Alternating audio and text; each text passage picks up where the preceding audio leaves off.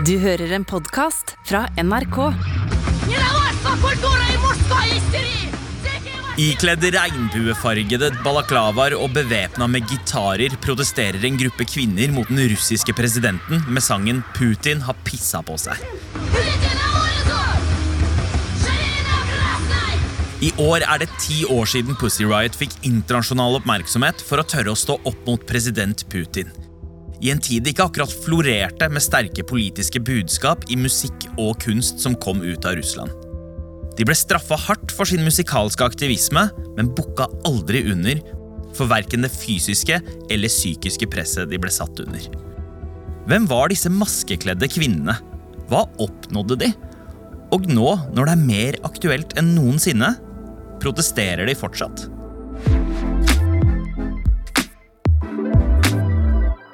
Velkommen til Musikkrommet. Jeg heter Sandeep Sin. We've been fighting for the right to sing, to think, to criticize. to be musicians and artists, ready to do everything to change our country. Pussy Riot var tidlig ute med å advare høyt og tydelig om at Russland var på vei i en riv ruskende gal autoritær retning. Hilde Sofie Pettersen har bakgrunn som journalist og redaktør, og har fulgt Pussy Riot siden starten. Alle har jo fått med seg nå, når Russland har gått til krig mot Ukraina, at det har gått galt i vårt eh, naboland. Men Pussy Riot klarte jo å si fra om dette eh, for ti år siden, og åpna øynene til hele verden for hvor alvorlig situasjonen kan bli for russere eh, som prøver å si fra om et råttent rettssystem. We go on with our musical fight in Russia, and our country is dominated by evil men. These men think it's illegal to stand up for the rights of the gay and lesbian community. These men think that you can't criticize your government. Og For å skjønne hvorfor Pussy Riot oppsto, hva aktivismen har kostet dem, og ikke minst hva de har betydd for verden, må vi dra til Russland for litt over ti år siden. Året er jo da 2011, og Vladimir Putin har akkurat sagt at han vil stille til gjenvalg, altså ta en ny periode som president. Уверен, что Единая Россия победит. Og så var jo bare problemet det at han hadde allerede vært president i den makstida som grunnloven tillot. Han var jo president fra 1999 til 2008, så det at han stiller til valg igjen, blir tolket som en avsløring av at avtroppende president Medvedev bare har vært en slags pausefisk for Putins tilbakekomst. Og Samtidig så hadde man sett masse bilder av Putin på bjørnejakt. Putin i baris på hesteryggen, og til og med Putin som svømmer med delfiner. Og dette er jo på en måte komiske bilder, men det gir en ekkel ettersmak av propaganda for at Putin da er en slags sånn reddende macho-engel. Og det, blir jo på en måte bygd opp en sånn kult rundt eh, Putin, hvor han blir lansert som na- nasjonens eh, redder. И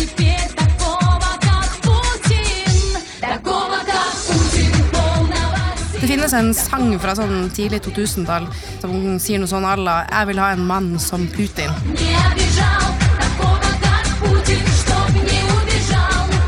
Og der og da virket det jo for oss utenforstående bare som innhold til memes. Men på hjemmebane funker det som god gammeldags propaganda. Med økt levestandard til eh, det russiske folk under hans regjeringstid, og et image som en sånn menneskelig bjørn som nærmest på egen hånd kan beskytte Russland fra utenlandske farer, så opplever Putin ganske stor støtte i befolkningen når han ønsker å sitte lenger enn det han egentlig har lov til. Ja, og samtidig så begynner jo opposisjonen å kjenne på økt skepsis til hva som er i ferd med å skje. Og det er mange som tar til gatene i protest eller protesterer med ulike uttrykksformer for å protestere. Hvordan var stemninga i Russland på den tiden for å kritisere Putin med f.eks. musikk? Putin han har jo alltid hatt problemer med å deale med kritikk, sånn at alle som har kritisert han, både journalister, aktivister, kunstnere og andre, de har risikert mye. Og når Pussy Riot dannes måte i, i protest mot Putin, så vet de at de stiller seg sjøl i stor fare, men de vet kanskje ikke nøyaktig hvor stor fare de stiller seg i. Og sjangeren de velger å uttrykke seg gjennom når de skal protestere, er naturlig nok punk. Ja, for det her er jo en antiautoritær sjanger, der poenget ikke nødvendigvis er å være gode musikere. Du kan på en måte ta den stemmen du har og de instrumentene du kanskje får tak i, og rope og skrike og få det politiske budskapet ditt frem. For det er budskapet som er det viktige her, og ikke det musikalske. Det var vel kanskje noen som ikke helt uh, fikk med seg det? det, var, det, var, stor forvirring blant musikkanmeldere som prøvde å bi seg ut på å si noe om den musikalske kvaliteten til Pussy Riot. Men den skrikete punken med tunge budskap virker jo som videreføringen av 90-tallsfenomenet Riot Girl, der sinte unge kvinner utafor Seattle i USA blandet punk, politikk og performancekunst. Dette var kvinner som følte seg ekskludert i den mannsdominerte musikkscenen og krevde sin plass med fanziner, gjør det sjæl-estetikk og bråkete musikk.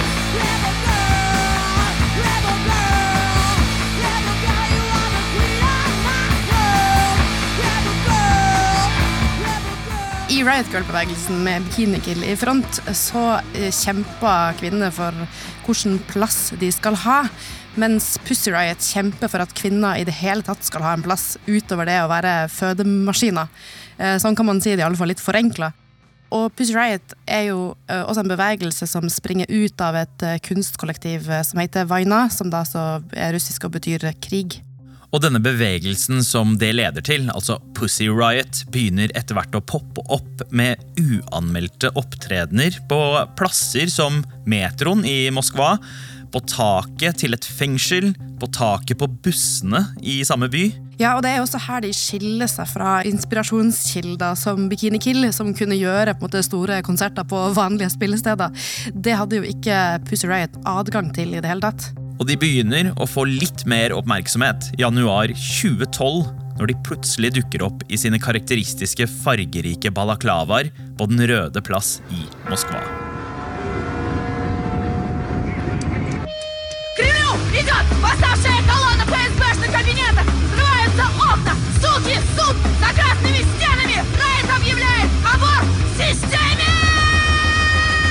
Denne fremføringa av eh, Putin har pissa på seg, som man kan oversette det til på norsk, kommer som et slags eh, varsko mot det som Pussy Riot mente var ei urovekkende eh, utvikling etter at myndighetene slo veldig hardt ned på anti-Putin-protester året før. Så dette med at Putin har pissa på seg, viser jo da til hvor, hvor redd han da er for protestene, sånn som de ser det.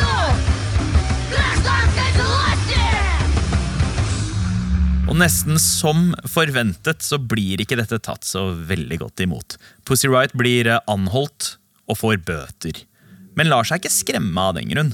Å nei da, for bare en måned senere så kommer altså fem eh, damer til den ortodokse Kristi Frelser-katedralen i Moskva. De har på seg vintertøy og ser for så vidt vanlig ut, men når de kommer inn i kirkerommet, så tar de av seg ytterfrakkene og på seg varemerket sitt, som er altså fargerike balaklava, eh, og finner sin plass eh, oppe ved alteret. Og i dette symboltunge bygget begynner de å hoppe opp og ned mens de slår opp i lufta med knyttnevene. En av de prøver også å få på seg en gitar, men eh, blir forhindret av en sikkerhetsvakt. Hele aksjonen varer jo ikke lenger enn cirka Sånn, kanskje et minutt eh, maks. Det kommer jo såpass mange eh, sikkerhetsvakter til at de blir eh, tvungen ut. Men de rekker å gjøre bevegelsene sine og måte, sparke rundt seg. Eh, og det er jo det viktigste, fordi dette blir jo filma, og så blir det i ettertid klippet sammen med musikken og kringkasta for eh, hele verden. Og det vi da hører, er jo den såkalte punkebønna 'Jomfru Maria, jag Putin vekk'.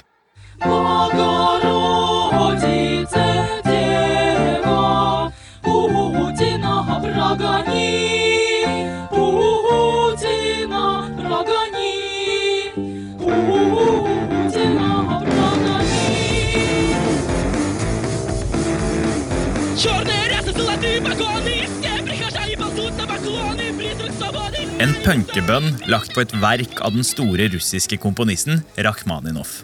Men hva handlet den bønnen om?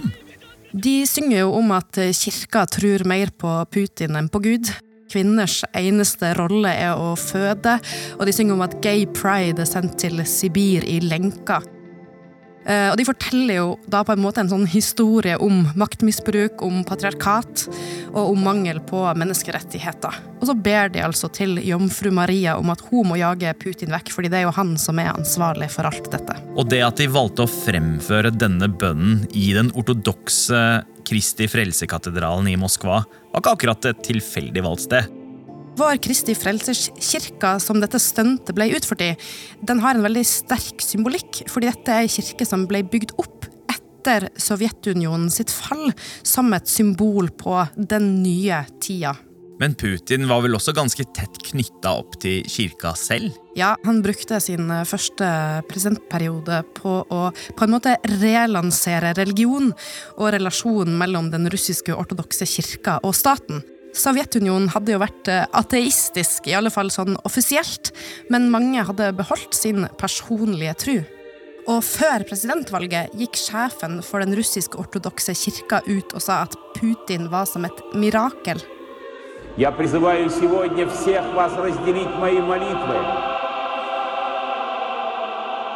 Um, og Pussy Riot de ville avsløre og på en måte fordømme de tette forbindelsene som nå hadde oppstått da, mellom kirka og Putin.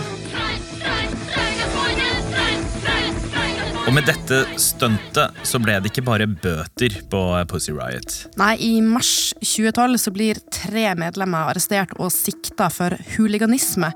Som på en måte er en sånn samleparagraf som brukes for å straffe folk som lager bråk i offentligheten i Russland. Og samtidig blir Putin valgt som president nok en gang. Vladimir Putin!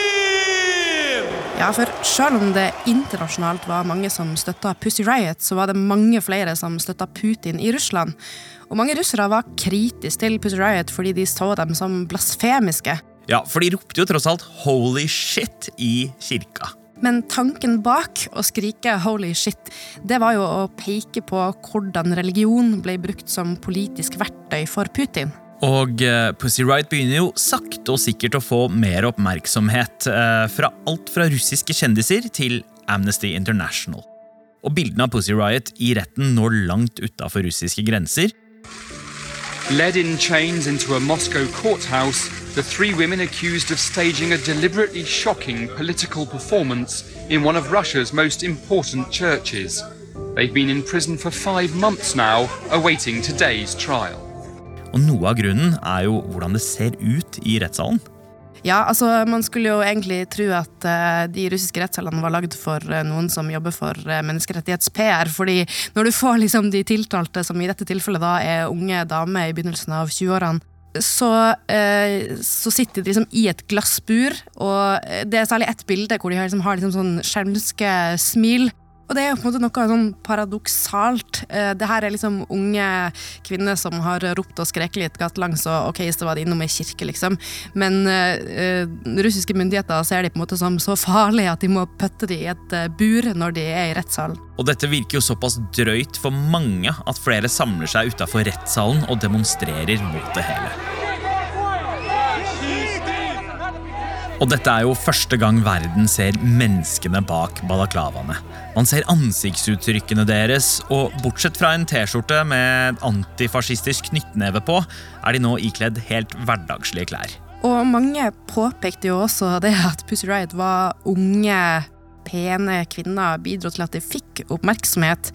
Og det ble på en måte sånn hva med alle de andre som også arresteres for å protestere? Fordi det er jo tusenvis av samvittighetsfanger i fengsler i Russland og Det er også en del sånn fiffige greier rundt uh, hvordan Pussy Riot ble forsøkt fremstilt som prostituerte. Sånn at på en måte russiske kvinner i gata ikke skulle identifisere seg med dem. Ja, Det høres jo litt som sånn klassisk vridning av sannheten, som russerne jo har blitt eksperter på. Og det falske narrativet funker. For 17.8.2012 faller dommen. Толоконникова, Самуцевич и Алехина совершили хулиганство, то есть грубое нарушение общественного порядка. Og selv om eh, aksjonen nok var en kalkulert risiko, så var det nok ingen som ante hvor strengt de faktisk kom til å bli straffa. For de fikk jo faktisk to års fengsel for å ha ropa og skreket litt. The judge frequently referred to their behavior as insulting and disrespectful to the Orthodox Church and all of Russia's faithful. She criticized their short skirts and high kicks and said they were motivated by hatred for religion. She ruled they remained a danger to society. Nadjezjda Tolokonikova hadde jo på denne tida ei tre-fire år gammel datter. Og hun tilbrakte altså to år i en straffekoloni mer enn 450 km vekk fra den lille dattera si. Og både via brev som hun sendte fra straffekolonien, og fra intervjuer som hun har gitt i ettertid, så vet vi at det var en ekstrem opplevelse. You have to work, and uh, all prisoners around me they had to work from 12 to 16 hours a day. Hun beskriver i et intervju hvordan arbeidsoppgavene de fikk, var på en måte, det var ikke meint at de skulle klare de, og når de ikke klarte de, så ble de kollektivt straffa. You don't have an option to be on your own. You don't have an option to be in your own thoughts. You have to be useless piece of body. That's it. På et tidspunkt i 2013 så gikk det flere uker uten at familien hennes klarte å finne ut av hvor øh, hun var, og om hun i det hele tatt var i live. Og hun har jo fortalt at hun har øh, en, måte, posttraumatisk lidelse som følge av den tida i, i straffekoloni. Og med denne ekstreme represalien øker også oppmerksomheten fra omverdenen.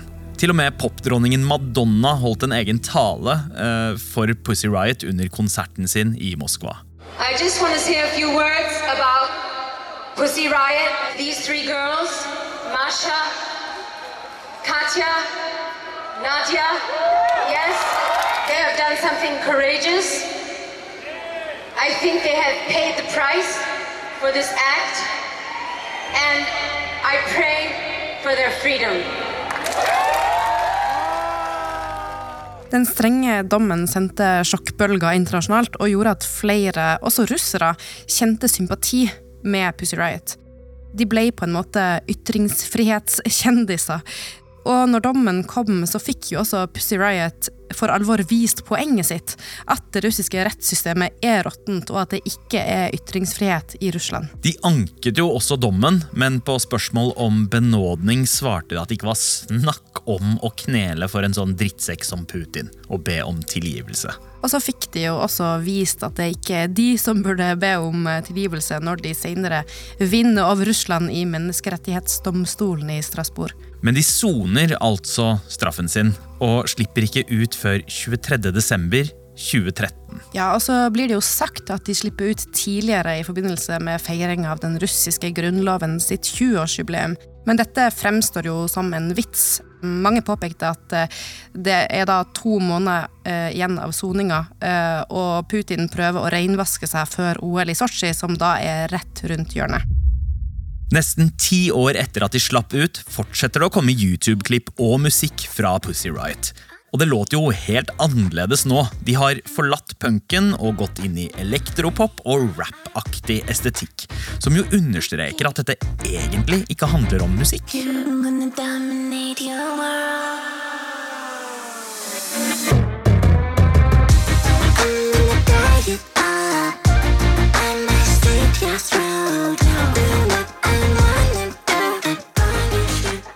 Er det fortsatt de vi husker fra rettssaken som er i Pussy Riot nå?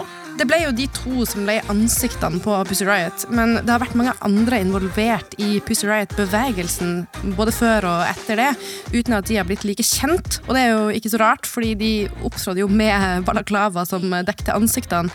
Um, men Pussy Riot er og var en bevegelse, og ulike medlemmer har tatt den i ulike retninger. Um, den musikken som gis ut i dag, det virker det f.eks.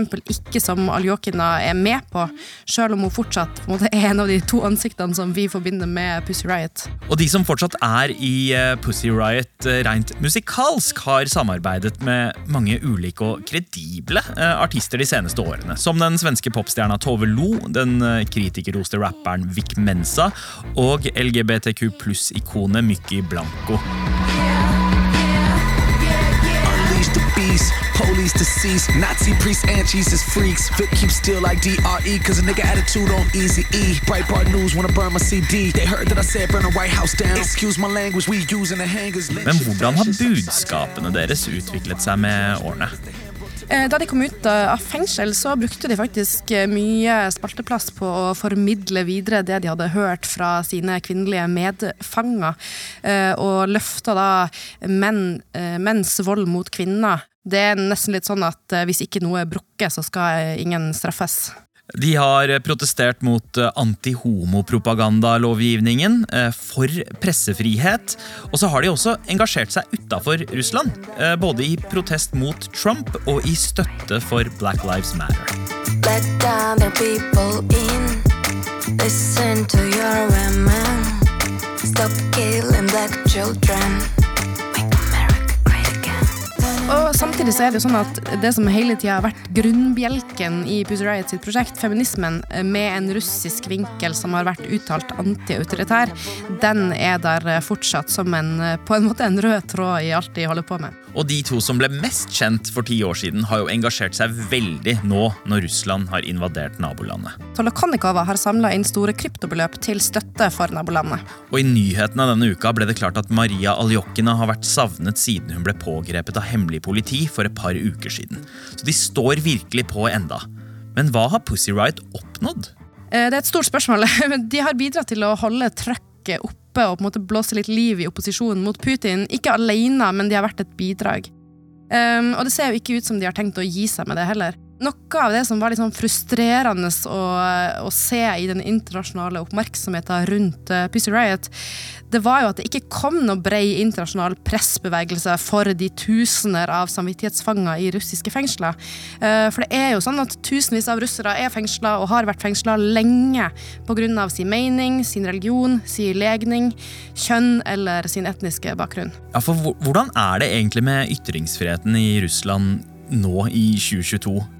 Hvis man er lærer i Russland i dag, må man undervise i løgn for å ikke komme i trøbbel. Samtidig som eh, barnesykehus bombes i eh, Ukraina, så skal russiske barn eh, arresteres hvis de protesterer med plakater hvor det står 'nei til krig'. Ehm, Så ille har det blitt etter invasjonen av Ukraina. Det russiske regimet har stramma grepet noe så voldsomt for å unngå at flere i befolkninga skal vende seg mot dem. Og deres viktigste to våpen er på den ene sida å heftig straffeforfølge alle som hever stemmen, og på den andre sida propaganda og struping av frie medier.